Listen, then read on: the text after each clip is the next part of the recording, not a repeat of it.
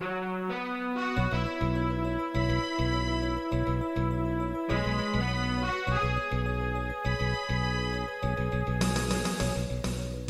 listening to Radio Free Asia.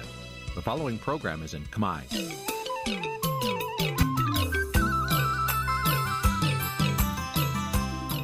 នេះជាកម្មវិធីផ្សាយ Vuthu Azizi Serai នេះជាកម្មវិធីផ្សាយរបស់ Vuthu Azizi Serai ជា ភាសាខ្មែរ Vuthu Azizi Serai សូមស្វាគមន៍លោកអ្នកនាងទាំងអស់ពីរដ្ឋធានី Washington នៃសហរដ្ឋអាមេរិក។ចាប់ពីរដ្ឋធានី Washington នាងខ្ញុំម៉ៅសុធានីសូមជម្រាបសួរលោកអ្នកស្ដាប់ទាំងអស់ជាទីមេត្រីចាយើងខ្ញុំសូមជូនការផ្សាយសម្រាប់ព្រឹកថ្ងៃប្រហ័ស5កើតខែផល្គុនឆ្នាំខាលចត្វាស័ក ពុទ្ធសករាជ2566ហើយដល់ត្រូវនៅថ្ងៃទី23ខែកុម្ភៈគ្រិស្តសករាជ2023ជាកិច្ចចាប់ផ្ដើមនេះនាងខ្ញុំសូមអញ្ជើញលោកអ្នកនាងកញ្ញាស្ដាប់ព័ត៌មានប្រចាំថ្ងៃដែលមានមេត្តាដូចតទៅ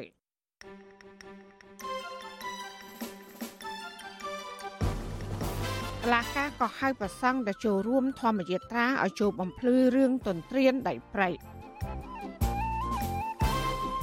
អ្នកជំនាញប្រមានពិភពប៉ះពាល់ដល់ការបោះឆ្នោតក្រោយរដ្ឋាភិបាលបិទវិទ្យុ VOD គណៈកម្មការទន្លេមេគង្គជំរុញការគ្រប់គ្រងនិងការអភិវឌ្ឍធនធានទឹក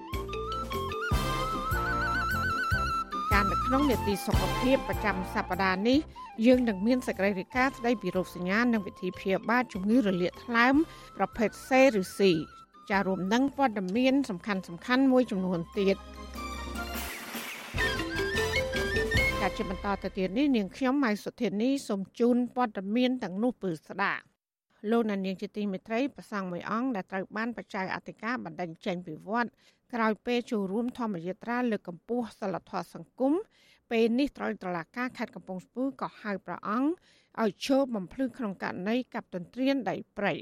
បដិជគុណសយសាទចាត់ទុកតែការរបស់តឡាការនេះថាជារឿងមិនសមទំនងនិងជាការធ្វើទុកបុកម្នេញលើព្រះអង្គដែលហ៊ានចូលរួមធ្វើការងារសង្គម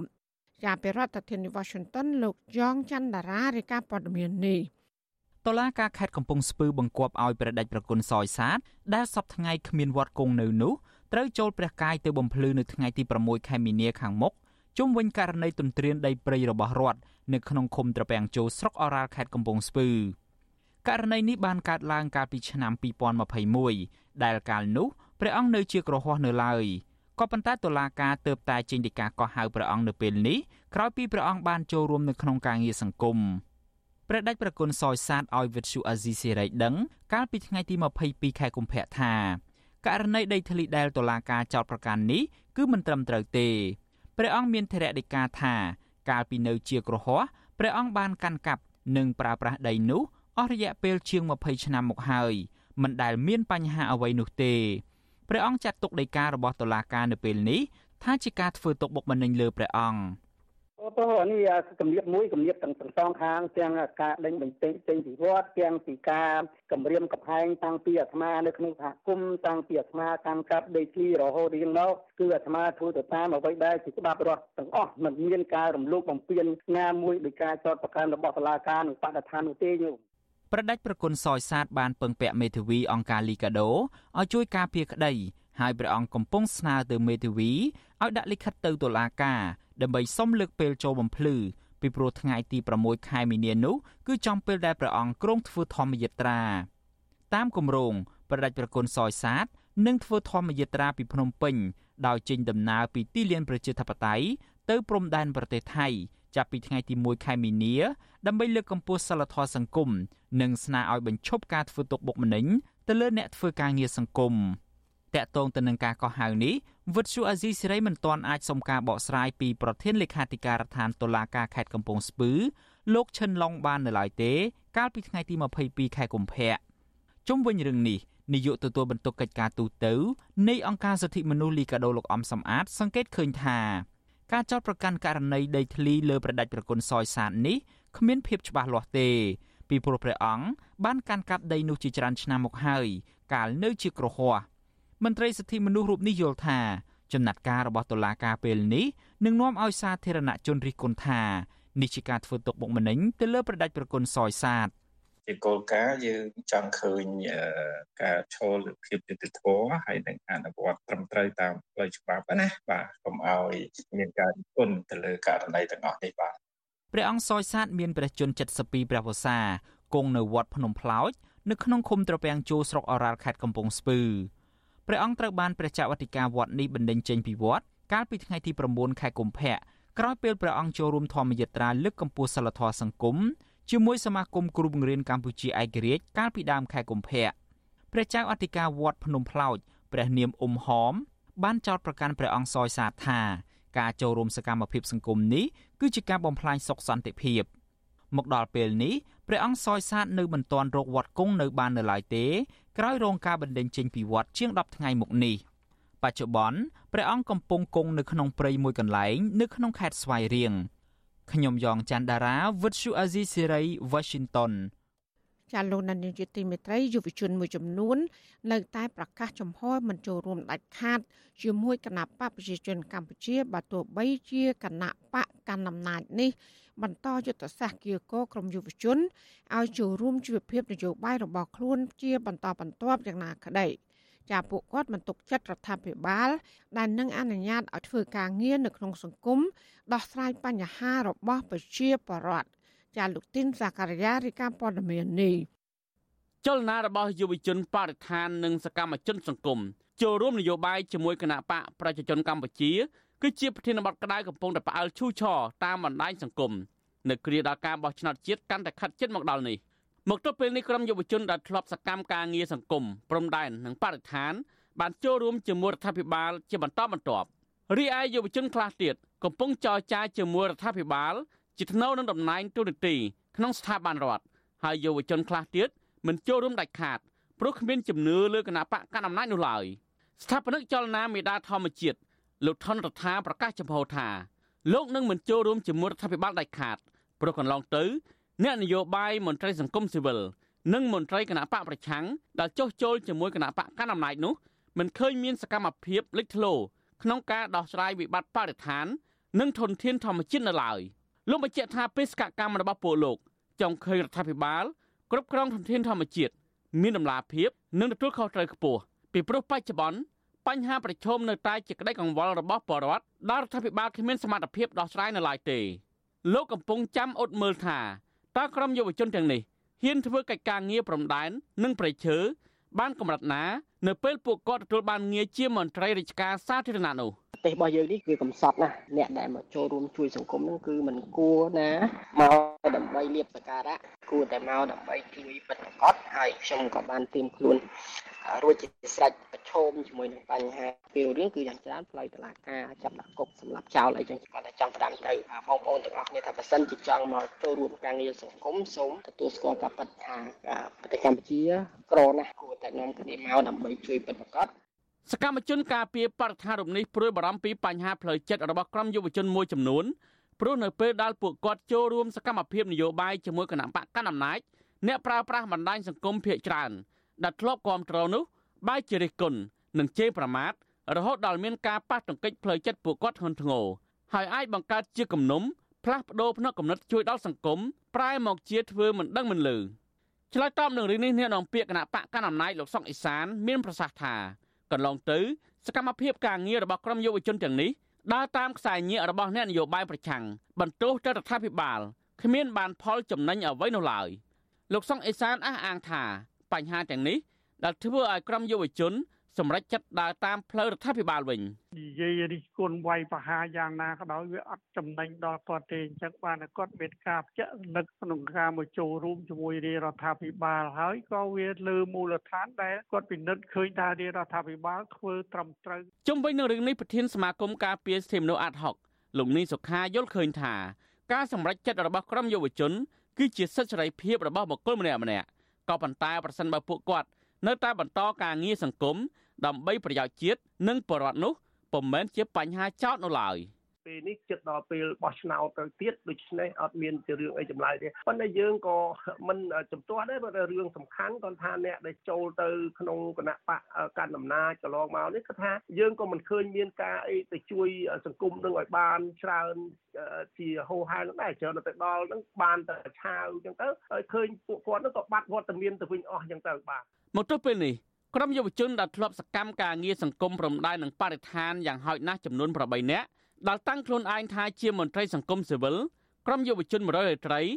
និងក្រុមអ្នកស្រាវជ្រាវវ័យក្មេងបានចូលរួមកិច្ចការនយោបាយជាមួយគណៈបកកណ្ដាលអំណាចជាការដោះដូរនិងថាវិការនិងការទទួលបានទូរទស្សន៍នៅក្នុងស្ថាប័នរដ្ឋក្រោយពីចោះចូលពួកគេទាំងនោះបានសរសេរលិខិតកលទោសលោកសំរងស៊ីព្រមព្រមគ្នា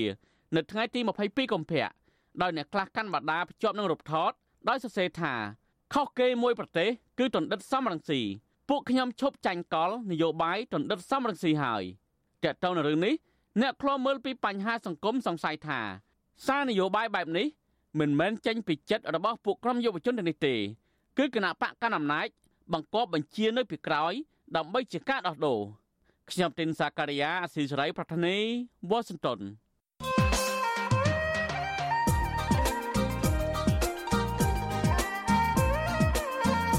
លោកនាយកជាទីមេត្រីស្របពេលការបោះឆ្នោតកាន់តែខិតជិតមកដល់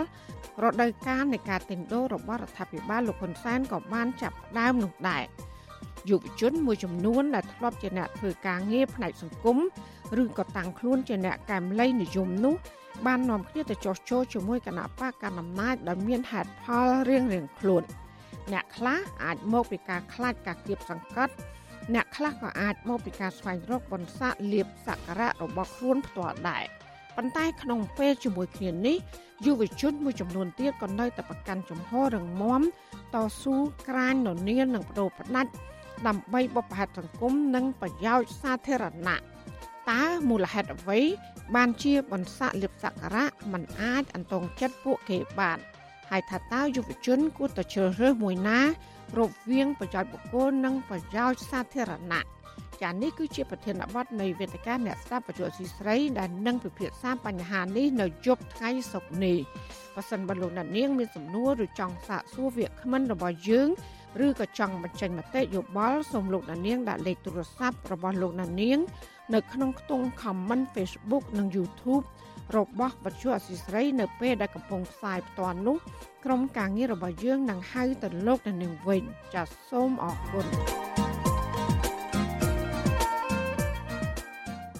ចាលោកនាងកញ្ញាកំពុងស្ដាប់ការផ្សាយរបស់វិទ្យុអសីស្រីផ្សាយចេញពីរដ្ឋធានី Washington អ្នកជំនាញផ្នែកកិច្ចការបោះឆ្នោតនិងប្រព័ន្ធផ្សព្វផ្សាយ ព្រមានថាចំណាត់ការរបស់លោកនាយករដ្ឋមន្ត្រីហ៊ុនសែនបិទវិទ្យុសម្លេងប្រជាធិបតេយ្យ VOD អាចប៉ះពាល់ដល់ដំណើរការបោះឆ្នោតជ្រើសតាំងតំណាងរាស្ត្រនៅខែកក្កដាខាងមុខតើពួកគេមានសំណូមពរអ្វីខ្លះដល់រដ្ឋាភិបាលចាសសេចក្តីរាយការណ៍ពីស្ដាមពីរឿងនេះលោកនាងនឹងបានស្ដាប់នាពេលបន្តិចទៀតនេះ thank you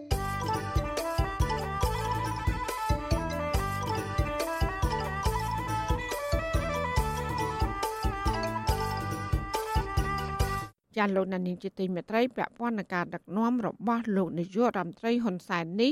អ្នកវិភាគវិតម្លៃថាលោកហ៊ុនសែនកំពុងបង្កើនទំនាក់ទំនងជាមួយបណ្ដាប្រទេសកុម្មុយនីសគឺដើម្បីឲ្យជួយគ្រប់គ្រងផែនការផ្ទៃអំណាចរបស់លោកហ៊ុនម៉ាណែត និងទប់ទល់កម្លាំងផ្ទៃក្នុងរបស់គណៈបកដែលហ៊ានងើបប្រឆាំងចាការលើកឡើងនេះក្រោយពីលោកហ៊ុនសែនបានបញ្ចប់ទស្សនកិច្ចនៅប្រទេសចិនថ្មីថ្មីនេះ នឹងទៅបំពេញទស្សនកិច្ចនៅបណ្ដាប្រទេសកុម្មុយនីសជាបន្តបន្ទាប់ក្នុងនោះមានប្រទេសឡាវនិងវៀតណាមជាដើមចាប់ពីរដ្ឋធានី Washington អ្នកត្រីសុជីវីមានសេចក្តីរាយការណ៍ជំវិញព័ត៌មាននេះអ្នកតាមដានស្ថានភាពនយោបាយកម្ពុជារិះគន់ថាលោកហ៊ុនសែនទំនងជាដឹងខ្លួនថាអាចនឹងបាត់បង់ការជួយគ្រប់គ្រងផ្នែកការទូតនៅលើឆាកអន្តរជាតិពីសំណាក់បណ្ដាប្រទេសកាន់លទ្ធិប្រជាធិបតេយ្យធំៗនៅលើពិភពលោកទើបលោកប្រឹងប្រែង បង្កើនទំនាក់ទំនងជាមួយបណ្ដាប្រទេសកុម្មុយនីសឲ្យគាំទ្រក្នុងការសម្រេចមហិច្ឆតារបស់ខ្លួន ជាពិសេសគម្រោងផ្ទេរអំណាចឲ្យកូនគឺលោកហ៊ុនម៉ាណែតនៅថ្ងៃអនាគតអ្នកវិភាគនយោបាយលោកកឹមសុខយល់ថាថ្មីត្បិតលោកហ៊ុនសែនមានចិនជាខ្នងបង្អែកប៉ុន្តែលោកត្រូវការជំហរពីភាគីវៀតណាមជាក់លាក់មួយដើម្បីជួយគ្រប់គ្រងលើគម្រោងផ្ទេរអំណាចទៅឲ្យកូនប្រុសគឺលោកហ៊ុនម៉ាណែតដែរលោកកឹមសុខបន្តទៀតថាលោកហ៊ុនសែន ក៏អាចពឹងពាក់ចិនឲ្យគ្រប់គ្រងផ្នែកកិច្ចការទូតលើឆាកអន្តរជាតិនិងស្នើសុំប្រាក់កម្ចីពីចិនក្រោមរូបភាពអភិវឌ្ឍហើយអាចជាថ្នូរមកវិញឲ្យចិនពង្រីកឥទ្ធិពលនៅកម្ពុជា និងតំបន់អាស៊ីអាគ្នេយ៍តាមរយៈរដ្ឋាភិបាលលោកហ៊ុនសែនដូច្នេះបក កុម្មុយនីសវៀតណាមនៅតែជាចិនទល់បងឯកមិនអាចខ្វះបាន ក្នុងការអនុវត្តផែនការផ្ទេរអំណាចពីលោកហ៊ុនសែនទៅលោកហ៊ុនម៉ាណែតដដែលចំណែកឯចិនគ្រាន់តែជាមិត្តថ្មីសម្រាប់លោកនាយករដ្ឋមន្ត្រីហ៊ុនសែនប៉ុណ្ណោះក្នុងបរិបទពិភពលោកថ្មីពីព្រោះចិនគឺជាមហាអំណាចលោកហ៊ុនសែនត្រូវការ ពឹងលុយនិងឥទ្ធិពលរបស់ចិន ដើម្បីជួយការពារមុខមាត់រដ្ឋាភិបាលនៃក្រមគ្រួសារគាត់នៅលើឆាកអន្តរជាតិការលើកឡើងរបស់លោកកឹមសុខនេះធ្វើឡើងបន្ទាប់ពីលោកយមត្រីហ៊ុនសែនបង្កើនទំនាក់ទំនងទ្វេភាគីជាមួយបណ្ដាប្រទេសកុម្មុយនីសជាបន្តបន្ទាប់ខណៈកម្ពុជាក្រោមការដឹកនាំរបស់លោកហ៊ុនសែនបន្តជាប់ឈ្មោះជាប្រទេសគ្មានប្រជាធិបតេយ្យនិងដឹកនាំកាន់តែផ្ដាច់ការកាលពីថ្ងៃទី18ខែកុម្ភៈថ្មីថ្មីនេះ គណៈបកប្រជាជនកម្ពុជាអះអាងថាកិច្ចប្រជុំកំពូលរវាងគណៈបកប្រជាជនកម្ពុជា និងបកកុម្មុយនីសវៀតណាមគឺជាការបង្កើតទំនាក់ទំនងភាពជាដៃគូមិត្តភាពប្រពៃណីកិច្ចសហប្រតិបត្តិការគ្រប់ជ្រុងជ្រោយរវាងបករដ្ឋនិងប្រជាជនទាំងពីរថែមទៀតលើសពីនេះភាគីកម្ពុជានិងវៀតណាមក៏បានចុះហត្ថលេខាអនុម័តលើផែនការកិច្ចសហប្រតិបត្តិការខាងវិស័យការពារជាតិរវាងប្រទេសទាំងពីរ សម្រាប់ឆ្នាំ2023និងអនុសារណៈនៃការយោយល់គ្នា ស្ដីពីកិច្ចសហប្រតិបត្តិការផ្នែកច្បាប់ពាក់ព័ន្ធនឹងវិស័យការពារជាតិនិងយោធាកិច្ចប្រជុំរវាងមេដឹកនាំគណៈបកប្រជាជនកម្ពុជា និងបកកុម្មុយនីសវៀតណាមនេះធ្វើឡើងក្រោយពីលោកហ៊ុនសែនបានវិលត្រឡប់ពីបំពេញទស្សនកិច្ចនៅប្រទេសចិនវិញត្រឹមតែមួយសប្តាហ៍តែប៉ុណ្ណោះទោះបីជាយ៉ាងណាក្រុមអ្នកខ្លាំមើលព្រួយបារម្ភថា ទំនាក់ទំនងទ្វេភាគីរវាងកម្ពុជានិងវៀតណាមដែលឈានដល់កិច្ចសហប្រតិបត្តិការផ្នែកការពារជាតិកាន់តែស៊ីជម្រៅអាចនឹងជះផលអាក្រក់ដល់សង្គមកម្ពុជាដោយពួកគេយល់ឃើញថាភាគីវៀតណាមមិនបានទម្លាក់ចោលការចង់គ្រប់គ្រងកម្ពុជា ទន្ទឹមគ្នានេះគឺនៅពីថ្ងៃក្រោយលោកហ៊ុនសែនត្រឡប់ពីប្រទេសចិនពលគឺនៅថ្ងៃទី13ខែកុម្ភៈលោកបានទៅបំពេញទស្សនកិច្ចនៅប្រទេសឡាវដើម្បីពង្រឹងកិច្ចសហប្រតិបត្តិការទ្វេភាគី និងចុះហត្ថលេខាលើការបោះបង្គោលព្រំដែនរវាងកម្ពុជាឡាវរួមនឹងកិច្ចសហប្រតិបត្តិការជំរុញការហោះហើរលើវិស័យទេសចរនិងធម្មពលអគិសនីអ្នកវិភាគនយោបាយលើកឡើងថាអរិយាប័ត្រកិច្ចការទូតរបស់លោកហ៊ុនសែនទំនងចង់ឆ្លុះបញ្ចាំងឲ្យចៅហ្វាយរបស់ខ្លួនគឺប្រទេសចិនថាកម្ពុជានៅតែមានជំហរនយោបាយការទូតជាមួយនឹងប្រទេសកុម្មុយនីសស្អិតល្មួតនិងដើម្បីតាក់ទាញចំណាប់អារម្មណ៍ពីមេដឹកនាំចិនកុម្មុយនីស តកតនៅរឿងនេះអ្នកនាំពាក្យគណៈបកប្រជាជនកម្ពុជា លោកសុកអេសានប្រតិកម្មខ្លាំងខ្លាំងដោយចាត់ទុកការលើកឡើងរបស់អ្នកវិភាគថាលំអៀងផ្នែកនយោបាយលោកអះអាងថាកម្ពុជាតែងតែប្រកាន់ជំហរនយោបាយអព្យាក្រឹតមិនចូលបកសម្ព័ន្ធនោះទេហើយកាលពីអំឡុងឆ្នាំ2022កន្លងទៅរដ្ឋាភិបាលក៏បានដឹកនាំគណៈប្រតិភូទៅបំពេញទស្សនកិច្ចនៅបណ្ដាប្រទេសលោកសេរី និងសហគមន៍អឺរ៉ុបដែរ។ ចាប់តាំងពីពាក់កណ្ដាលឆ្នាំ2022មកសម្ដេចនាយករដ្ឋមន្ត្រីលោកបានដឹកនាំគណៈប្រតិភូទៅធ្វើទស្សនកិច្ចនៅបណ្ដាប្រទេសលោកសេរីក៏មានដោយលោកកុម្មុយនីក៏មានហើយត្រង់ទៅប្រទេសសេរីដូចជាអាមេរិកដូចសហគមន៍អឺរ៉ុបអីមិនក៏អស់លោកវិភាគហ្នឹងមិនថាផងហើយវាដល់ទៅប្រទេសកុម្មុយនីមិនក៏ថាអ្នកវិភាគហ្នឹងវាលំអៀងខាងនយោបាយទៅហើយមិនបាច់ពិនិត្យទេពីព្រោះគាត់និយាយគាត់និយាយទៅតាមខួរក្បាលលំអៀងរបស់គាត់បាទ បើទោះជាយ៉ាងណាការលើកឡើងពីសំណាក់អ្នកនាំពាក្យគណៈបកកណ្ដាលអំណាចរូបនេះហាក់មិនបានឆ្លុះបញ្ចាំងការពិតឡើយត្បិតកាលពីឆ្នាំ2022កន្លងទៅលោកហ៊ុនសែនដឹកនាំគណៈប្រតិភូទៅប្រជុំនៅសហរដ្ឋអាមេរិកនិងបណ្ដាប្រទេសប្រជាធិបតេយ្យផ្សេងទៀតនោះគឺពុំមែននៅក្នុងក្របខ័ណ្ឌទ្វេភាគីនោះទេ គឺនៅក្នុងនាមជាប្រធានបដូវវេនអាស៊ានតែប៉ុណ្ណោះអ្នកវិភាគនយោបាយនិងជាអ្នកស្រាវជ្រាវការអភិវឌ្ឍសង្គមលោកបណ្ឌិតសេងសេរីយល់ថាការដែលលោកហ៊ុនសែន ទៅបំពេញទស្សនកិច្ចនៅបណ្ដាប្រទេសកុម្មុយនីសផ្ទួនផ្ទួនគ្នាបែបនេះគឺជាទំនាក់ទំនងការទូតជាមួយនឹងប្លុកកុម្មុយនីសបែបប្រពៃណីនិងជាយុទ្ធសាស្ត្រការទូតរបស់លោកហ៊ុនសែនក្នុងការពឹងពាក់បណ្ដាប្រទេសកុម្មុយនីសឲ្យជួយការពារអំណាច អ្វីដែលសំខាន់មួយទៀតហ្នឹងគឺដំណើរទស្សនកិច្ចរបស់លោកយុរដ្ឋមន្ត្រីមុនការបោះឆ្នោតបែបនេះក៏ចង់បង្ហាញឲ្យឃើញខ្នងមួយថ្ងៃដ៏សំខាន់ក្នុងការសាមអំណាចឬក្នុងការតអំណាចហ្នឹងក៏មានការរួមចំណាយពីបណ្ដាប្រទេសឬក៏ទួលបានការគ្រប់គ្រងឬក៏យល់ស្របឬក៏មានសន្តានចិត្តល្អពីបណ្ដាប្រទេសនៅជុំវិញពិសេសហ្នឹងអ្នកដែលធ្លាប់នៅក្នុងប្លុកកុំមុនីតែមួយអ្នកខ្លំមើលស្ថានភាពនយោបាយនៅកម្ពុជាលើកឡើងថាកម្ពុជាក្រោមការដឹកនាំដោយលោកហ៊ុនសែន បានដឹកនាំប្រទេសកាន់តែប្រឆាចពីកន្លងប្រជាធិបតេយ្យនិងកាន់តែផ្ដាច់ការតាមរយៈការប្រើប្រាស់ប្រព័ន្ធតុលាការជាឧបករណ៍បង្ក្រាបសម្លេងប្រឆាំងរដ្ឋបတ်សិទ្ធិសេរីភាពពលរដ្ឋបំបិតស្ថាប័នសារព័ត៌មានឯករាជ្យនិងមានទំនោរទៅរកប្លុកកុម្មុយនីសធ្វើជាខ្នងបង្អែកការពីអំណាចពួកគេលើកឡើងទៀតថារដ្ឋាភិបាលគួរចាប់ផ្ដើមគិតគូរដំកល់ផលប្រយោជន៍ជាតិជាធំដោយចាប់ផ្ដើមស្ដារប្រជាធិបតេយ្យនិងការគោរពសិទ្ធិមនុស្សដើម្បីឲ្យកម្ពុជា ទទួលបានផលប្រយោជន៍សេដ្ឋកិច្ចពីបណ្ដាប្រទេសលោកសេរី និងបញ្ជាការរីគុណថា កម្ពុជា លំអៀងទៅខាងប្រទេសកុម្មុយនីសតែម្ខាងនាងខ្ញុំសុជីវី With Shu Azizi Saray ពីរដ្ឋធានី Washington ចាលោកណានៀងជាទីមេត្រីមុនពេលបោះឆ្នោតចូលមកដល់គណៈបកកាន់អំណាចតែងតែបង្កើតព្រឹត្តិការណ៍នយោបាយផ្សេងផ្សេងទាំងស្របច្បាប់និងមិនស្របច្បាប់ ដើម្បីយកប្រៀបលើលទ្ធផលនៃការបោះឆ្នោតចាអ្នកជំនាញអំពាវនាវដល់ប្រជាពលរដ្ឋត្រូវតែស្វែងយល់ពីគោលនយោបាយគណៈបកឲ្យបានច្បាស់លាស់ជាជាងការសម្រេចចិត្តដោយសារភ័យខ្លាចចាលោកសេកបណ្ឌិតរាជការពុស្ដាជំវិញព័ត៌មាននេះអ្នកជំនាញលើកិច្ចការបោះឆ្នោតនិងនយោបាយក្រើនរំលឹកដល់ប្រជាពលរដ្ឋជាម្ចាស់ឆ្នោតឲ្យយកចិត្តទុកដាក់តាមដានលើគោលនយោបាយរបស់គណៈបកនីមួយៗមុននឹងឈានដល់ការបោះឆ្នោតនៅខែកក្កដាខាងមុខនេះជាជាងការស្រឡាញ់ការស្អប់ឬភ័យខ្លាចដោយផ្អែកតែទៅលើព្រឹត្តិការណ៍មួយចំនួន ដែលអ្នកនយោបាយសម្ដែង ឬបង្កើតឡើង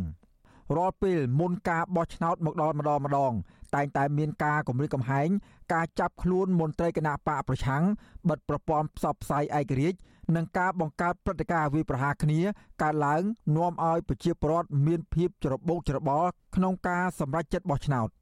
អ្នកសម្របសម្រួលផ្នែកអង្គការរបស់អង្គការឃ្លាំមើលការបោះឆ្នោត Confrel លោកកនសវាង មានប្រសាសន៍ថា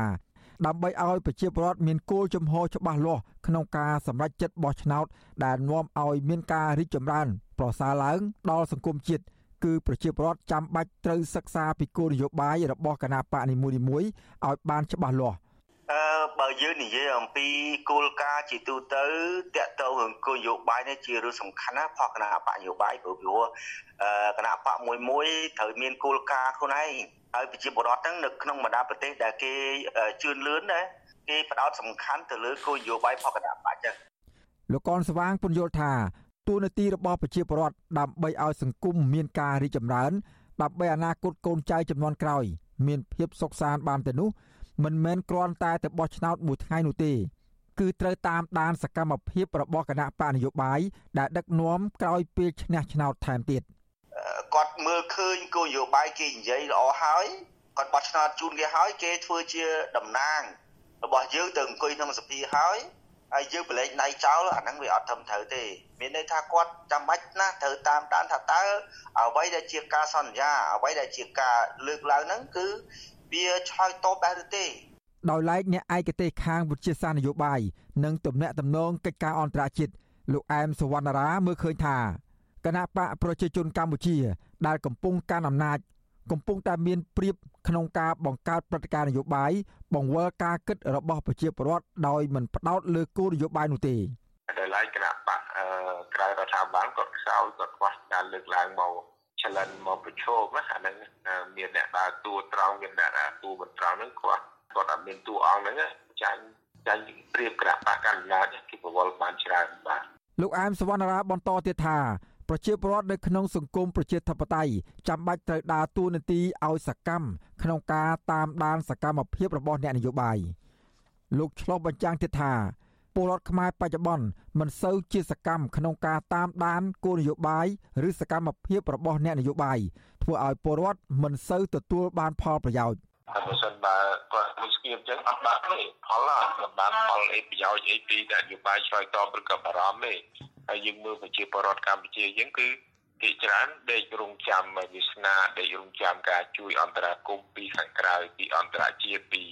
អ្នកនយោបាយអញ្ចឹងហើយធ្វើឲ្យគាត់នឹងអត់ដែលបានផលប្រយោជន៍ទេអញ្ចឹងមជ្ឈបាយសំខាន់នេះគឺគាត់នឹងយល់ភារកិច្ចទូទីខ្លួនឯងជប់គិតតែបញ្ហានយោបាយជាបញ្ហាព័ន្ធនយោបាយជាបញ្ហារបស់ប្រទេសជាបញ្ហារបស់គាត់គឺគាត់ចូលរួមច្រើនណាហ្នឹងបញ្ហាសំខាន់ប្រជាពលរដ្ឋនៅក្នុងខេត្តកណ្ដាលលោកស្រីពេជ្រមេតាឲ្យដឹងថា លោកស្រីតែងតែតាមដានព័ត៌មានជាប្រចាំប៉ុន្តែមិនសូវជាយកចិត្តទុកដាក់លើគោលនយោបាយបកនីមួយៗនោះទេដោយសារតែបកដែលឈ្នះឆ្នោតមិនដែលធ្វើតាមការសន្យា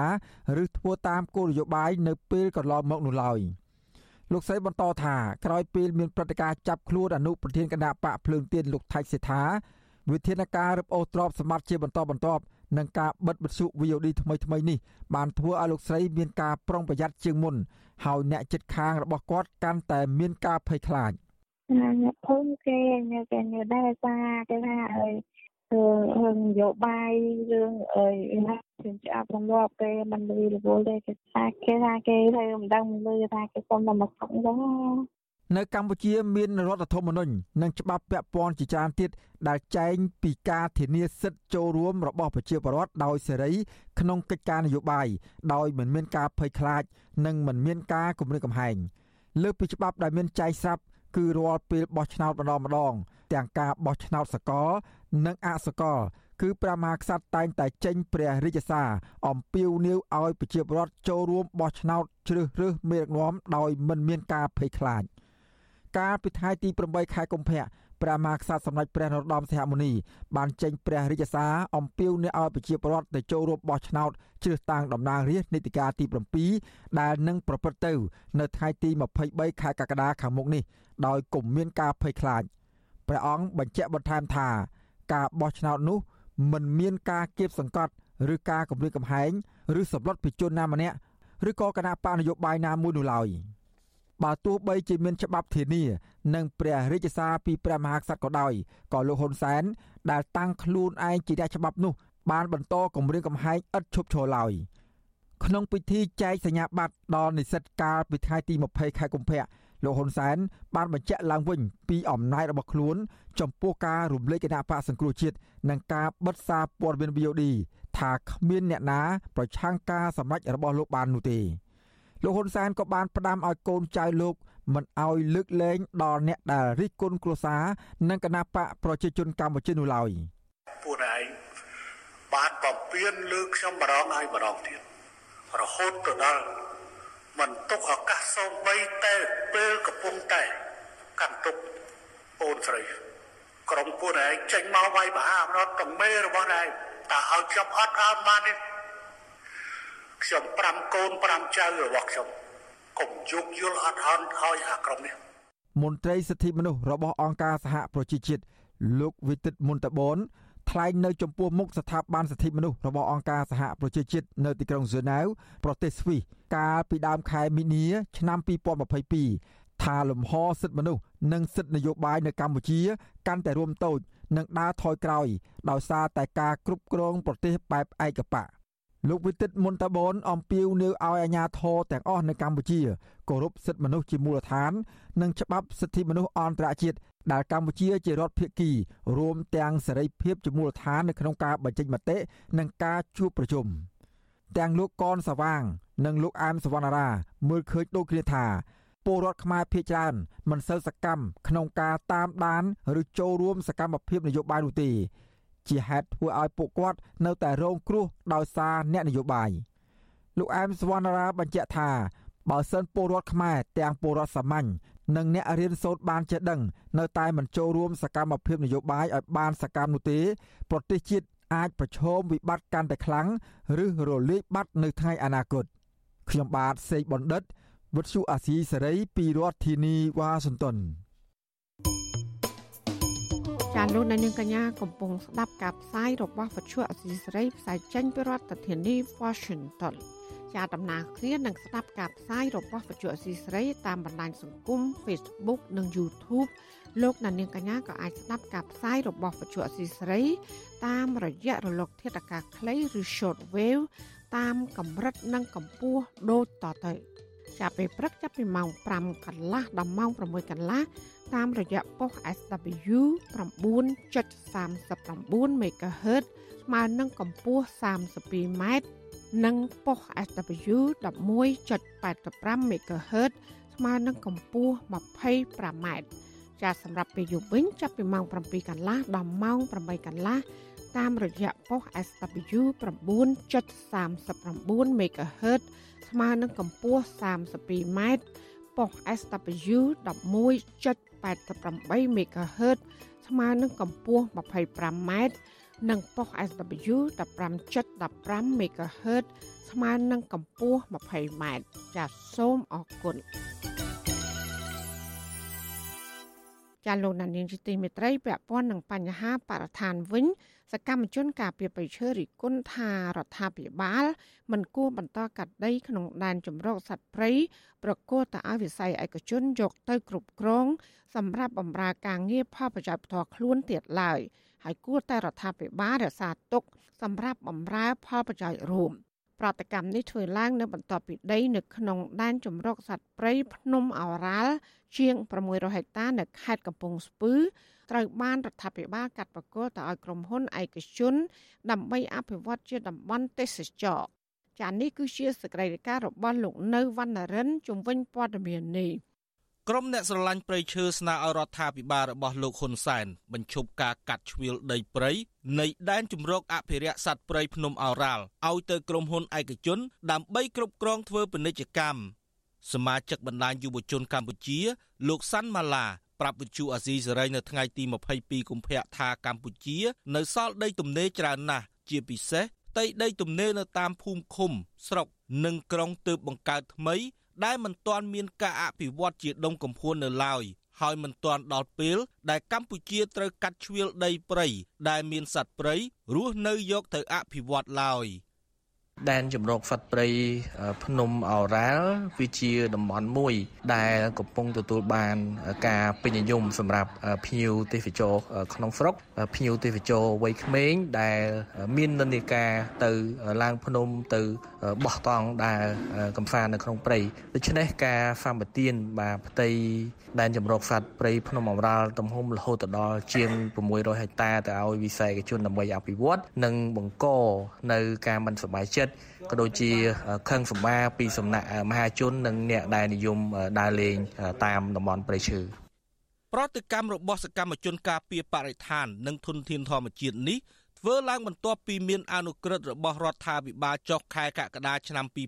2022ហើយទើបមានការផ្សព្វផ្សាយជាសាធារណៈនៅពេលថ្មីៗនេះ ឲ្យដឹងថាដីស្ថិតនៅក្នុងដែនជម្រកសត្វព្រៃភ្នំអូរ៉ាល់ទំហំ649ហិកតា នៅក្នុងឃុំចំនួន2នៃស្រុកទឹកផុសខេត្តកំពង់ឆ្នាំងត្រូវបានធ្វើអនុប្រយោគពីទ្រព្យសម្បត្តិសាធារណៈរបស់រដ្ឋឲ្យទៅជាសម្បត្តិឯកជន ហើយជួលទៅឲ្យក្រុមហ៊ុន One Fraternity ដែលជាក្រុមហ៊ុនផលិតទឹកបរិសុទ្ធ Vital និងមីជាតិដើម្បីយកទៅអភិវឌ្ឍជាតំបន់ទេសចរធម្មជាតិ ក្រុមហ៊ុន One Fraternity គឺជាក្រុមហ៊ុនរបស់លោកស្រីជឹងសុគន្ធធាវីកូនបង្កើតរបស់លោកឡៅមេងខិនសមាជិកព្រឹទ្ធសភាគណៈបកប្រជាជនកម្ពុជា និងលោកស្រីជឹងសុភីបហៅយាយភូជាអនុប្រធានកកបាតក្រហមកម្ពុជា ដែលគេស្គាល់ថាជាអ្នកមានទំនាក់ទំនងយ៉ាងជិតស្និទ្ធបំផុត និងលោកស្រីប៊ុនរនីភរិយារបស់លោកនាយករដ្ឋមន្ត្រីហ៊ុនសែន វិទ្យុអាស៊ីសេរីមិនអាចសុំការឆ្លើយតបពីលោកណេតភក្ត្រាមន្ត្រីអ្នកណែនាំពាក្យក្រសួងបរិស្ថាន និងលោកសុនសវណ្ណរិទ្ធអភិបាលខេត្តកំពង់ឆ្នាំងដោយហៅទូរស័ព្ទចូលច្រើនដងគ្មានអ្នកទទួលខណៈលោកឈិនសេងងួនអភិបាលរងខេត្តកំពង់ឆ្នាំងបានរុញឲ្យទៅសួរអភិបាលរងម្នាក់ទៀតដែលទទួលបន្ទុកការកាត់ជ្រៀលដីក្នុងដែនជំរកសត្វព្រៃភ្នំឱរ៉ាល់នេះគឺលោកសាន់យូប៉ុន្តែមន្ត្រីរូបនេះក៏មិនបានលើកទូរស័ព្ទដែរ កន្លងមករដ្ឋាភិបាលធ្លាប់បានធ្វើឲ្យបាត់បង់ធនធានធម្មជាតិព្រៃឈើជាច្រើនបន្តបន្ទាប់តាមរយៈការកាត់ជ្រៀលដីព្រៃជាសម្បត្តិរដ្ឋប្រគល់ឲ្យក្រុមហ៊ុន អ្នកមានអំណាចឬអង្គការធំធំជិតស្និទ្ធនឹងរដ្ឋាភិបាល ដើម្បីឈូសឆាយយកទៅអភិវឌ្ឍជាដីសម្បត្តិសេដ្ឋកិច្ចឬបង្កើតទៅជាផ្ទះល្វែងនិងសំណង់ផ្សេងផ្សេងជាក់ស្ដែង ការពិពាក្យកណ្ដាលឆ្នាំ2022កន្លងទៅ លោកហ៊ុនសែនបានសម្រេចកាត់ជ្រៀលដីភ្នំតាម៉ៅប្រគល់ឲ្យក្រុមហ៊ុនលោកអង្ញាលេងនវត្រាឈូសឆាយដីព្រៃអស់រាប់សិបហិកតាទម្រាំមានការសម្រេចចិត្តជាថ្មីដកហូតដីព្រៃនោះយកមកប្រគល់ឲ្យរដ្ឋវិញដើម្បីដាំដើមឈើឡើងវិញក្រោយរងការរិះគន់យ៉ាងខ្លាំងក្លាពីមហាជននាយកទទួលបន្ទុកកិច្ចការទូតនៃអង្គការលីកាដូ លោកអំសំអាត សង្កេតឃើញថាកន្លងមកធ្លាប់មានបញ្ហាចម្រូងចម្រាស ជុំវិញការកាត់ជ្រឿលដីព្រៃឬដីក្នុងដែនជម្រកសត្វព្រៃមួយចំនួនដោយសាររដ្ឋាភិបាលពុំបានសិក្សាឲ្យបានច្បាស់លាស់នាំឲ្យការកាត់ជ្រឿលនោះជន់គ្នាទៅលើដីព្រៃសហគមន៍ដែលកំពុងអាស្រ័យផលដោយពលរដ្ឋលោកបន្តថាជាក់ស្ដែងដោយករណីកាត់ជ្រឿលដីព្រៃទៅឲ្យក្រមយោធាក្នុងដែនជម្រកសត្វព្រៃភ្នំឱរ៉ាល់ស្ថិតនៅឃុំត្រពាំងជោស្រុកឱរ៉ាល់ខេត្តកំពង់ស្ពឺ គឺកំពុងនាំឲ្យមានចំនួនជាហិង្សាស្រាប់ទៅហើយរវាងពលរដ្ឋនិងក្រមយោធា ដោយសារតែការកាត់ដីជ្រៀលនោះជន់ទៅលើដីសហគមន៍វាតលតែទំហំនៃដីនឹងវាលែងបំរើផលប្រយោជន៍ជាសាធារណៈឬក៏ជាដីព្រៃដែលរឹតរិលហើយនៅកោការគ្រប់គ្រងរបស់រដ្ឋដោយផ្ទាល់ណាបាទអាហ្នឹងយើងរដ្ឋអាចធ្វើ អនុប្រយោគហើយអាចនឹងឆ្វៀលទៅសហគមន៍អត់ទៅឲ្យឯកជនបានរបាយការណ៍របស់ក្រសួងបរិស្ថានឲ្យដឹងថាតំបន់ដែនជម្រកសត្វព្រៃភ្នំអរ៉ាល់មានផ្ទៃក្រឡា250,000ហិកតាស្ថិតនៅក្នុងខេត្តចំនួន3គឺខេត្តកំពង់ស្ពឺខេត្តពោធិ៍សាត់និងកំពង់ឆ្នាំងដែលចេញដោយព្រះរាជក្រឹត្យនៅក្នុងខែវិច្ឆិកាឆ្នាំ1993ដើម្បីគ្រប់គ្រង និងធានាឲ្យមានការថែទាំជាជំរកសម្រាប់សត្វព្រៃនិងរុក្ខជាតិនៅតំបន់នោះខ្ញុំបាទនៅវណ្ណរិន With Chu Azizi Saray ពីរដ្ឋធានី Washington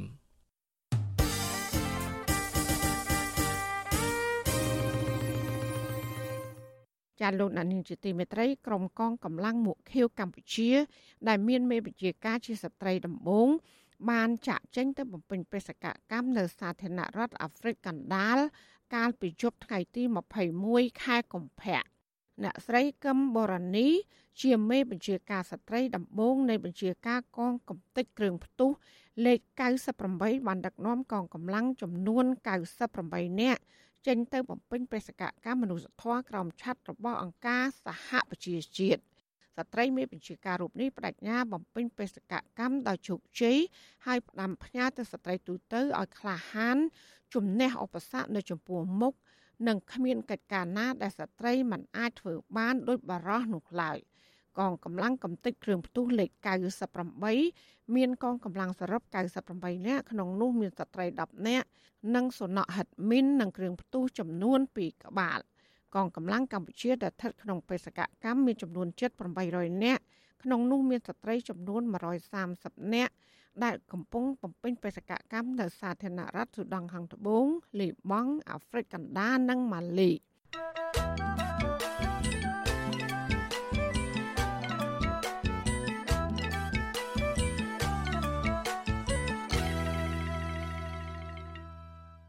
ចាលោកណានយើងជាទីមេត្រីដែលឡាយតាក់ទងនឹងទន្លេមេគង្គវិញគណៈកម្មការទន្លេមេគង្គហៅកាត់ថា MRC បានប្រកាសពីយុទ្ធសាស្ត្ររួមសម្រាប់ជំរុញការគ្រប់គ្រង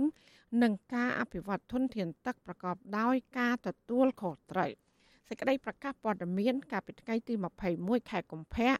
ឲ្យដឹងថាគណៈកម្មការទន្លេមេគង្គបានចេញផ្សាយឯកសារសំខាន់សំខាន់ចំនួន2 ដើម្បីបង្កើនផលប្រយោជន៍ជាអតិបរមាពីគម្រោងទំនប់វារីអគ្គិសនីនិងការអភិវឌ្ឍផ្សេងៗពាក់ព័ន្ធនឹងធនធានទឹកខណៈដែលចង់កាត់បន្ថយផលប៉ះពាល់ឲ្យបានទាបបំផុតដល់បញ្ហាបរិស្ថាននិងប្រជាជនរាប់លាននាក់ដែលកំពុងរស់នៅតាមដងទន្លេមេគង្គឯកសារគោលការណ៍សំខាន់ទាំងពីរច្បាប់នេះរួមមានសិភៅណែនាំបឋមស្ដីពីការរៀបចំប្លង់សាងសង់ទំនប់ ក្នុងអាងទន្លេមេគង្គដែលបានដាក់ស្នើហៅកាត់ថា PDG និងគោលការណ៍ណែនាំសម្រាប់ការវិតម្លៃផលប៉ះពាល់បរិស្ថានឆ្លងដែនហៅកាត់ថា TBEIA នាយកប្រតិបត្តិនៃគណៈកម្មការទន្លេមេគង្គលោកបណ្ឌិតអនុលក្ខកិត្តិខួនថ្លែងនៅក្នុងពិធីសម្ពោធដាក់ប្រើប្រាស់ឯកសារទាំងពីរនេះថាប្រទេសជាសមាជិកទាំង4រួមមានកម្ពុជាឡាវថៃនិងវៀតណាម យល់ច្បាស់អំពីបញ្ហាកំពុងប្រឈមកាន់តែខ្លាំងឡើងខ្លាំងឡើង នៅទន្លេមេគង្គនិងបដិញ្ញាចិត្តរួមសហការគ្នា ដើម្បីដោះស្រាយបញ្ហានានាដែលមានសារៈសំខាន់សម្រាប់តំបន់ទាំងមូលលោកបណ្ឌិតបន្ថែមថាគណៈដែលប្រទេសនីមួយៗមានប្រព័ន្ធនិយត្តកម្មថ្នាក់ជាតិរួចហើយសម្រាប់ការសាងសង់និងប្រតិបត្តិការទំនប់វារីអគ្គិសនីក្នុងដែនដីរបស់ខ្លួននោះ គណៈកម្មការទន្លេមេគង្គនឹងមិនមានគោលការណ៍ណាមួយដើម្បីឆ្លើយតបទៅនឹងផលប៉ះពាល់នៃគម្រោងនៅក្នុងប្រទេសនោះឡើយចិនដែលជាប្រទេសនៅខ្សែទឹកខាងលើទន្លេមេគង្គកំពុងតែធ្វើមិនដឹងមិនលឺឬក៏ទទួលយកគោលការណ៍នៃការដោះស្រាយបញ្ហាទន្លេមេគង្គនៅរដូវប្រាំងឆ្នាំ2023នេះប្រទេសចិនក៏បានចាប់ផ្ដើមបើកទ្វារទឹកទំនប់វារីអគ្គិសនីដ៏ធំរបស់ខ្លួននៅមុនការកំណត់ ប្រមាណជា5ខែដើម្បីផលិតអគ្គិសនី។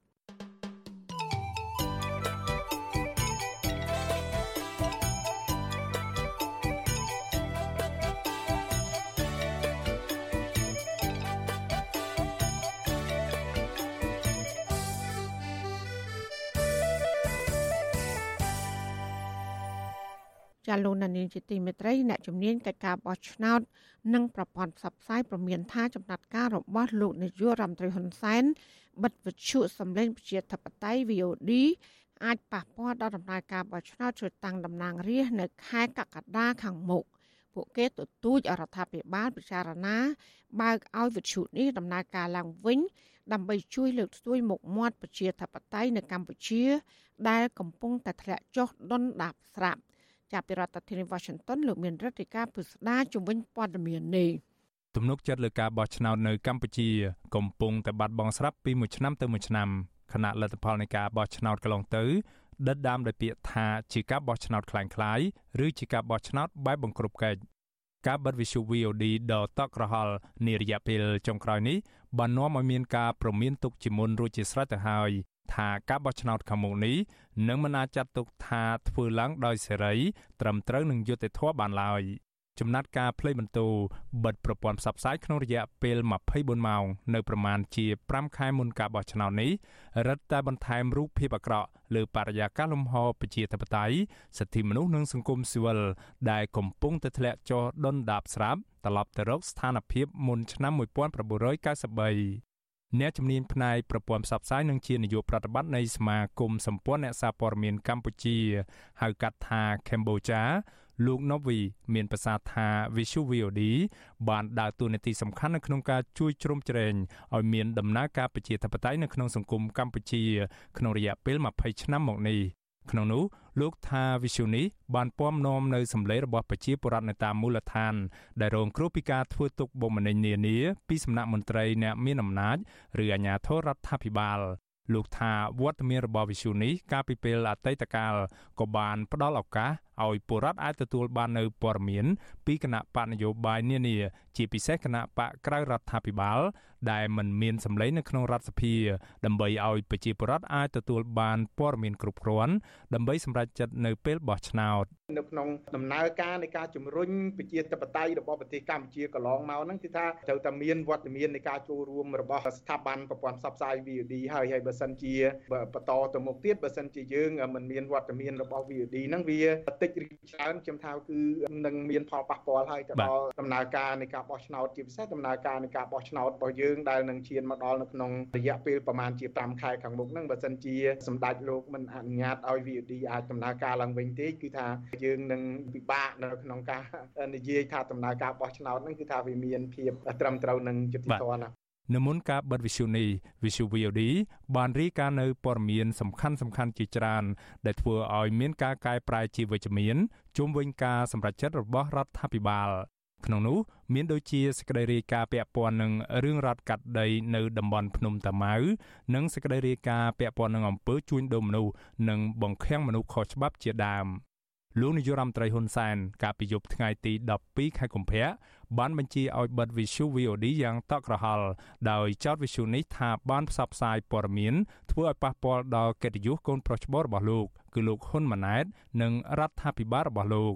ក្រោយបិទវិទ្យុនេះរួចមកលោកហ៊ុនសែនបានបន្តដាក់បន្ទុកលើវិទ្យុនេះដោយចោទថាវិទ្យុនេះបានផ្សព្វផ្សាយព័ត៌មាន ដែលធ្វើឲ្យបែកបាក់ផ្ទៃក្នុងនៃគណៈរដ្ឋមន្ត្រីរបស់លោក ដោយបង្កើតបាននូវការមិនជឿទុកចិត្តគ្នានៅក្នុងជួររដ្ឋាភិបាលលោកហ៊ុនសែនបញ្ជាក់ម្ដងហើយម្ដងទៀតថាវិសុនេះមិនអាចរស់ឡើងវិញបានឡើយបើទោះជាមានអន្តរាគមពីបរទេសយ៉ាងណាក៏ដោយ កុំសង្ឃឹមថាអ្នកឯងអាចរស់ឡើងវិញតាមរយៈទៅពឹងបរទេសនេះពឹងបរទេសនោះបើពឹងបាន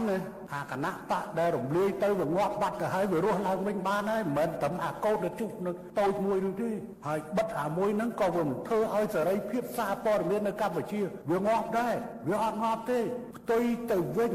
វាពង្រឹងបាននៅវិជ្ជាជីវៈសារព័ត៌មាន ក្រមសិលធម៌នៃសារព័ត៌មានបានត្រឹមត្រូវអាមួយនេះរំលោភវាច្រើនហើយវាច្រើនហើយវាលំមដល់ទីបញ្ចប់វាសយវារឿងអី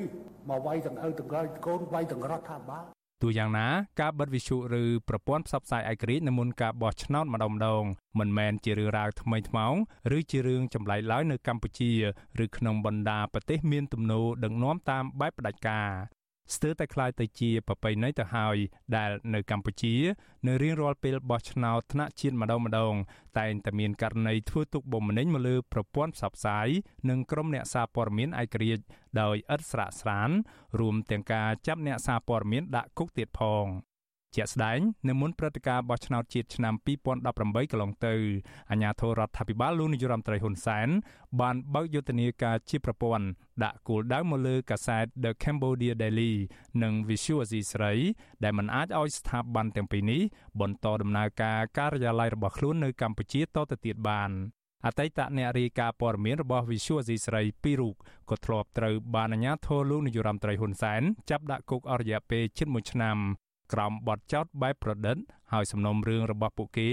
នៅតែមិនត្រូវបានទម្លាក់ចោលនិងបន្តអូសបន្លាយរហូតមកទល់សប្តាហ៍នេះការបិទប្រព័ន្ធផ្សព្វផ្សាយនៅមុនការបោះឆ្នោតនេះត្រូវបានសហគមន៍ជាតិនិងអន្តរជាតិមើលឃើញថាជាផ្នែកមួយនៃយុទ្ធសាស្ត្ររបស់របបផ្ដាច់ការដើម្បីធានាជ័យជំនះទុកជាមុនរួចជាស្រេចរបស់គណៈបកកណ្ដាលអំណាចពលគឺមិនឲ្យមានសម្លេងឯករាជ្យ តាមឃ្លាំមើលដំណើរការបោះឆ្នោត និងបញ្ជាការផ្សាយព័ត៌មានជុំវិញភាពមិនប្រក្រតីនានាពាក់ព័ន្ធទៅនឹងដំណើរការបោះឆ្នោតទីប្រឹក្សាអង្គការគណៈកម្មាធិការដើម្បីការបោះឆ្នោតដោយសេរីនិងយុត្តិធម៌នៅកម្ពុជាហៅកាត់ថា Confrel លោកគុលបញ្ញាយល់ឃើញថាការបិទវិទ្យុ VOD ពាក់ព័ន្ធទៅនឹងចេតនានយោបាយច្រើនជាងកំហុសឆ្គងផ្នែកវិជ្ជាជីវៈ លោកថាវិសុ VOD បានចូលរួមចំណែកច្រើននៅក្នុងការផ្សព្វផ្សាយព័ត៌មានទាក់ទងទៅនឹងការបោះឆ្នោតការអប់រំអ្នកបោះឆ្នោតការឃ្លាំមើលភាពមិនប្រក្រតីនានាក្នុងអំឡុងពេលឃោសនានិងពេលបោះឆ្នោតជាដើមលោកប្រមានថាអវត្តមានវិសុ VOD ប៉ះពាល់ធ្ងន់ធ្ងរដល់ការបោះឆ្នោតខាងមុខនេះ VOD មែនតើរបៀបគាត់ធ្វើការខ្ញុំមើលទៅគាត់បែបជាអង្គការសង្គមស៊ីវិលច្រើនណាព្រោះគាត់ធ្វើរបៀបគេហៅ មូលដ្ឋានបែបនៅមូលដ្ឋាននៅច្រើនអញ្ចឹងគឺថាចូលរួមចំណែកខ្លាំងនៅក្នុងរឿងរបស់ច្រើនអញ្ចឹងការដែលដកអាជ្ញាប័ត្រគាត់ឲ្យតែគាត់មិនអាចធ្វើសកម្មភាពនៅក្នុងការការផ្ដល់ព័ត៌មានការដែលចូលរួមចំណែកក្នុងការអប់រំដល់អ្នកបោះឆ្នោតអីហ្នឹងគឺថាមានផលប៉ះផលប៉ះពាល់ធ្ងន់ធ្ងរណាស់ធ្ងន់ធ្ងរណាស់សម្រាប់ការបោះឆ្នោតនៅពេលខាងមុខនេះបើសិនជាវាថាមានប្រព័ន្ធព័ត៌មានឯករាជ្យច្រើនដោយពីមុនវាវាប៉ះពាល់ដែរវាប៉ះពាល់លើសេរីភាពអ្នកសារព័ត៌មានទៅលើស្អីស្អីប៉ុន្តែដោយសារយើងឥឡូវដូចយើងនិយាយអញ្ចឹងគឺថានៅនៅកម្ពុជាយើងនឹងប្រព័ន្ធផ្សព្វផ្សាយព័ត៌មានឯករាជ្យនឹងនៅសល់តិចតួចណាស់ហើយហើយមែនតើអ្នកខ្លះក៏មិនហ៊ានផ្សព្វផ្សាយមានក៏មានសកម្មភាពមានអ្នកសារព័ត៌មានច្រើនដែរប៉ុន្តែ VOD ក៏មានច្រើន លោកគុលបញ្ញាថាបើទោះបីជានៅកម្ពុជា មានប្រព័ន្ធផ្សព្វផ្សាយច្រើនយ៉ាងណាក៏ដោយក៏សារព័ត៌មានទាំងនោះមិនមែនជាសារព័ត៌មានឯករាជ្យឡើយខណៈពួកគេភាគច្រើន ជាសារព័ត៌មានស្និទ្ធនឹងរដ្ឋាភិបាលលោកនាយរដ្ឋមន្ត្រីហ៊ុនសែនហើយមិនហ៊ានផ្សព្វផ្សាយព័ត៌មានទាំងឡាយណា ដែលបង្ហាញពីភាពអវិជ្ជមានឬប៉ះពាល់ដល់មន្ត្រីបកកណ្ដាលអំណាចនោះឡើយ កម្ពុជាក្រុងរៀបចំការបោះឆ្នោតជ្រើសតាំងតំណាងរាស្ត្រអាណត្តិទី7នៅថ្ងៃអាទិត្យទី23ខែកក្កដាខាងមុខនេះអ្នករាយការណ៍ពិសេសអង្គការសហប្រជាជាតិចំនួន3រូបក្នុងនោះមានអ្នករាយការណ៍ពិសេសស្ដីពីសិទ្ធិមនុស្សនៅកម្ពុជាលោកវីតិនមុនតបនកាលពីថ្ងៃទី20ខែកុម្ភៈបានអំពាវនាវដល់រដ្ឋាភិបាលលោកនាយរដ្ឋមន្ត្រីហ៊ុនសែនឲ្យបើកឲ្យ Visu VOD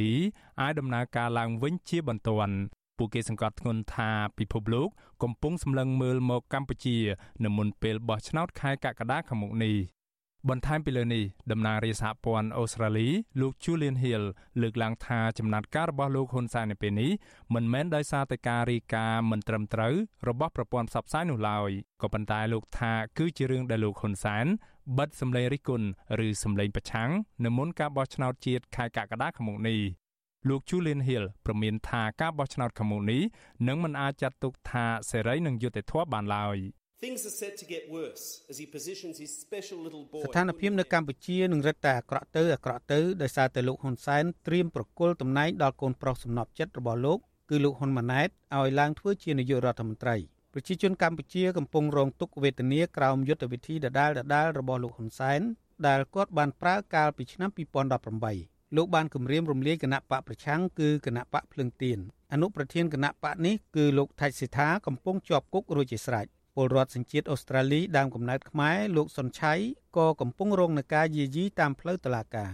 រាជកញ្ញាឈឹមស៊ីធនៅតែជាប់គុកនៅឡើយជាការគួរឲ្យសោកស្ដាយដែលការបោះឆ្នោតនៅខែកក្កដាខាងមុខនេះទំនងជានឹងមិនសេរីនិងមិនយុត្តិធម៌ឡើយ អូស្ត្រាលីត្រូវតែប្រុងប្រយ័ត្នដោយមិនត្រូវផ្ដល់ទំនុកចិត្តដល់ការបោះឆ្នោតคล้ายៗបែបនេះឡើយការបោះឆ្នោតជាតិឆ្នាំ2023នេះទំនងជាមានវាសនាមិនខុសពីការបោះឆ្នោតកាលពីឆ្នាំ2018ឡើយ ដោយសារតែគណៈបកកណ្ដាលអំណាចរបស់លោកនាយរដ្ឋមន្ត្រីហ៊ុនសែនបានធ្វើអ្វីៗសពបែបយ៉ាងដើម្បីធានាថាគណៈបកនេះឈ្នះការបោះឆ្នោតទុកជាមុនរួចជាស្រេចបើទោះបីជាមានឬគ្មានវត្តមានរបស់គណៈបកប្រឆាំងក៏ដោយខ្ញុំបានមេរិត Visual Asia ស្រីពីរដ្ឋធានី Washington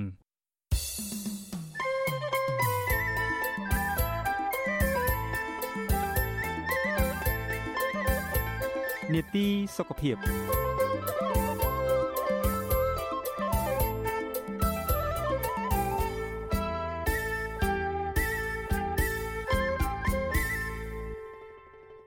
ចាលោកអ្នកស្ដាប់ជាទីមេត្រីជំងឺរលាកថ្លើមប្រភេទ C ឬ C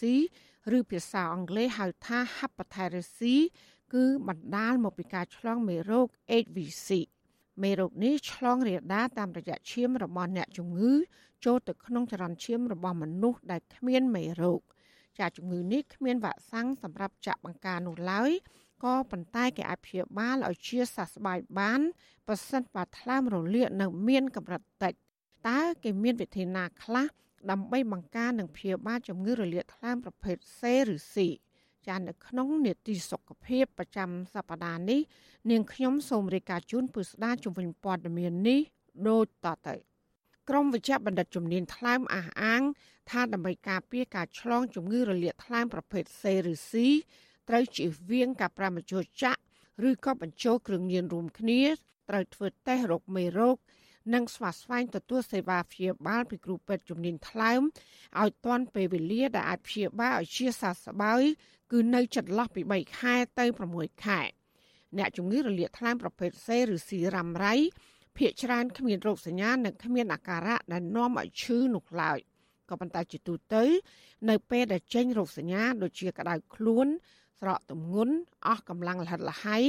មិនឃ្លានឈឺពោះតិចតិច ស្បែកឡើងលឿងនិងទឹកមូតដូរពណ៌ក្រមៅនោះគឺមានន័យថាថ្លើមវិវត្តទៅជាធ្ងន់ធ្ងររួចទៅហើយដូចជាកើតជំងឺក្រិនថ្លើមនិងមហារីកថ្លើមគ្រូពេទ្យឯកទេសថ្លើមនិងម្ចាស់ clinic វឌ្ឍនវិទ្យាលោកវិជ្ជបណ្ឌិតភីវសូរ៉ែនមានប្រសាសន៍ប្រាប់បច្ចុប្បន្នស៊ីសេរីថាចំពោះការវិវត្ត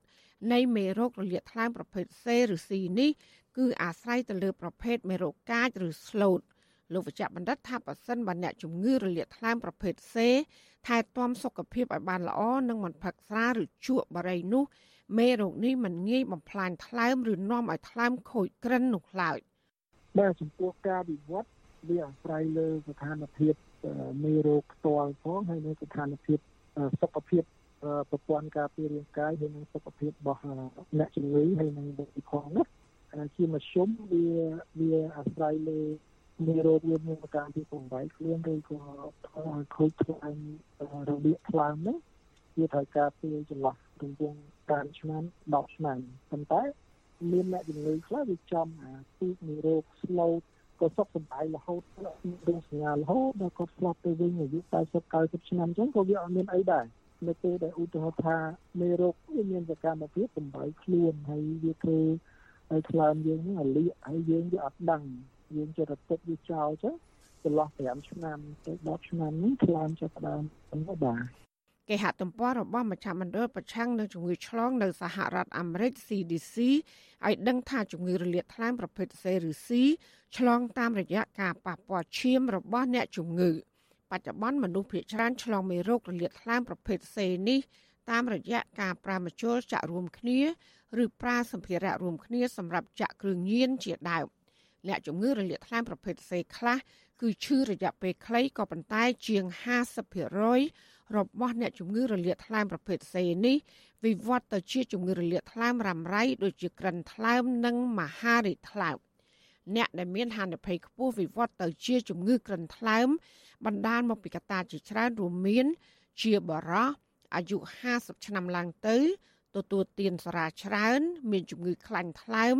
ជំងឺរលាកថ្លើមប្រភេទ B ឬ B ឬមានផ្ទុកជំងឺអេដនិងអ្នកទទួលការព្យាបាលជួយបង្កើនប្រព័ន្ធការពារខ្លួន ពីការបំផ្លាញកោសិកានិងជាលិកាល្អជំងឺរលាកថ្លើមមាន3ប្រភេទគឺប្រភេទ A ឬ A ប្រភេទ B ឬ B និងប្រភេទ C ឬ C ជំងឺរលាកថ្លើមទាំង3ប្រភេទនេះគឺមានលក្ខណៈខុសគ្នាហើយការឆ្លងមេរោគទាំងនេះក៏ខុសគ្នាផងដែរមនុស្សគ្រប់វ័យមិនថាកុមារឬចាស់ អាចចាក់វ៉ាក់សាំងការពារជំងឺរលាកថ្លើមប្រភេទ A និងប្រភេទ B ក៏ប៉ុន្តែគ្មានថ្នាំសម្រាប់ចាក់បង្ការជំងឺរលាកថ្លើមប្រភេទ C នោះឡើយក៏ប៉ុន្តែបច្ចុប្បន្នអ្នកកើតជំងឺរលាកថ្លើមប្រភេទ C ឬ C អាចលេបថ្នាំព្យាបាលដែលងាយស្រួលជាងមុន ដោយមិនចាំបាច់ប្រើវិធីព្យាបាលដោយប្រើជាតិគីមីនោះឡើយលោកវិជ្ជបណ្ឌិតភៀវសរ៉ែនមានប្រសាសន៍ថាវិធីព្យាបាលអ្នកជំងឺរលាកថ្លើមប្រភេទ C ឬ C គឺមានប្រសិទ្ធភាពខ្ពស់រយៈពេលខ្លីថ្នាំងាយស្រួលលេបនិងមានផលប៉ះពាល់តិចជាងមុនលោកថាបច្ចុប្បន្នគ្រូពេទ្យជំនាញថ្លើមនៅប្រទេសកម្ពុជាអាចផ្ដល់សេវាព្យាបាលដល់អ្នកជំងឺដោយមិនចាំបាច់ចេញទៅព្យាបាលនៅក្រៅប្រទេសនោះឡើយបាទឃើញមានការកើតថ្លើមនេះច្រើនហើយប៉ុន្តែគាត់យើងមិនមានស្ថិតិអីជាក់លាក់ទេគាត់ណាជាបទពិសោធន៍ដូចខ្ញុំមើលអ្នកជំងឺរងថ្ងៃហ្នឹងគឺ គឺច្រើនទាំងអ្នកក្រំថ្លើមទាំងអ្នកមានអលិយថ្លើមដោយសារស្រាអ្នកមានខ្លាញ់រុំថ្លើមហើយនិងអ្នកមានឆ្លងមេរោគអលិយថ្លើមប្រភេទ B ប្រភេទ C ហ្នឹងណាចំពោះប្រភេទ C បច្ចុប្បន្ននេះមានថ្នាំចេញថ្មីគេហៅ DAA Direct Acting Antiviral ជាប្រភេទថ្នាំដែលអ្នកប្រើខាងថ្លើមទំនងឃើញថ្មីយើងឃើញប្រភេទ C យើងព្យាបាលស្រួលព្យាបាលតែ3ខែទៅ6ខែជាប្រភេទ C អត់ចាំបាច់ ចាក់ថ្នាំដូចចំនួនមុនដែលយើងត្រូវការចាក់6ខែឬក៏មួយឆ្នាំអីដូចចំនួនមុនដែលជ្រុះសក់ស្រកគីឡូអីទេឥឡូវនេះប្រភេទស្អីបើយើងធ្វើតេស្តឃើញយើងឃើញឃើញកាន់តែឆាប់យើងឆាប់ព្យាបាលទៅគឺជា100%ប្រភេទស្អីតែប្រភេទស្អីឥឡូវនេះយើងយើងព្យាបាលតែ3ខែទេមិនចាំបាច់ទៅក្រៅប្រទេសទេបាទ គ្រូពេទ្យឯកទេសថ្លើមរូបនេះឲ្យដឹងដែរថា អ្នកដែលមានហានិភ័យខ្ពស់នៃការឆ្លងជំងឺរលាកថ្លើមប្រភេទ C នេះគឺក្រុមគ្រូពេទ្យដែលផ្ដល់សេវាព្យាបាលដល់អ្នកជំងឺ អ្នកប្រើមជុលចាក់រួមគ្នា អ្នកប្រើមជុលសាក់លើស្បែកអ្នកផ្ទុកមេរោគ HIV ដែលនាំឲ្យកើតជំងឺអេដអ្នកបញ្ចូលឈាមនិងអ្នករួមភេទជាមួយដៃគូច្រើនដែលគ្មានសុវត្ថិភាពចាគ្រូពេទ្យអាចធ្វើតេស្តរោគមេរោគរលាកថ្លើមប្រភេទ C តាមរយៈការធ្វើតេស្តឈាមនិងតាមរយៈការជ្រឹបសាច់ថ្លើមយកទៅពិនិត្យលោកវិជ្ជបណ្ឌិតផ្ដល់ដំបូន្មានដល់ប្រជាប្រដ្ឋខ្មែរគួរតែទៅពិនិត្យសុខភាពយ៉ាងហោចណាស់មួយឆ្នាំម្ដង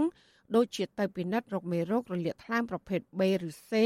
ជាពិសេសគឺចំពោះអ្នកសេពសារ៉ាច្រើនឬជក់បារីនៅប្រទេសកម្ពុជាគ្មានស្ថិតិច្បាស់លាស់ពីចំនួនអ្នកកើតជំងឺរលាកថ្លើមប្រភេទ B ឬ B និងប្រភេទ C ឬ C នោះឡើយ ស្ថិតិចុងក្រោយរបស់អង្គការសុខភាពពិភពលោកក៏បានបង្ហាញថានៅប្រទេសកម្ពុជា ប្រជាប្រដ្ឋខ្មែរប្រមាណជាង8000នាក់បានស្លាប់ដោយសារជំងឺគ្រុនថ្លើម និងមហារីកថ្លើម កាលពីអំឡុងឆ្នាំ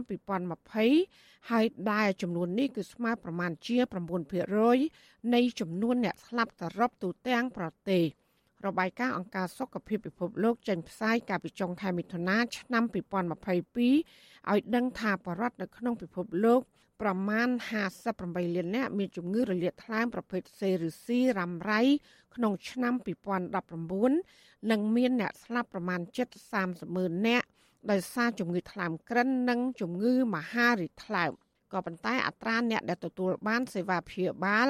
នៃជំងឺរលាកថ្លើមប្រភេទ C ឬ C ធ្ងន់ធ្ងរនោះ គឺនៅមានកម្រិតទាបជាពិសេស គឺនៅបណ្ដាប្រទេសក្រីក្រនិងកំពុងអភិវឌ្ឍ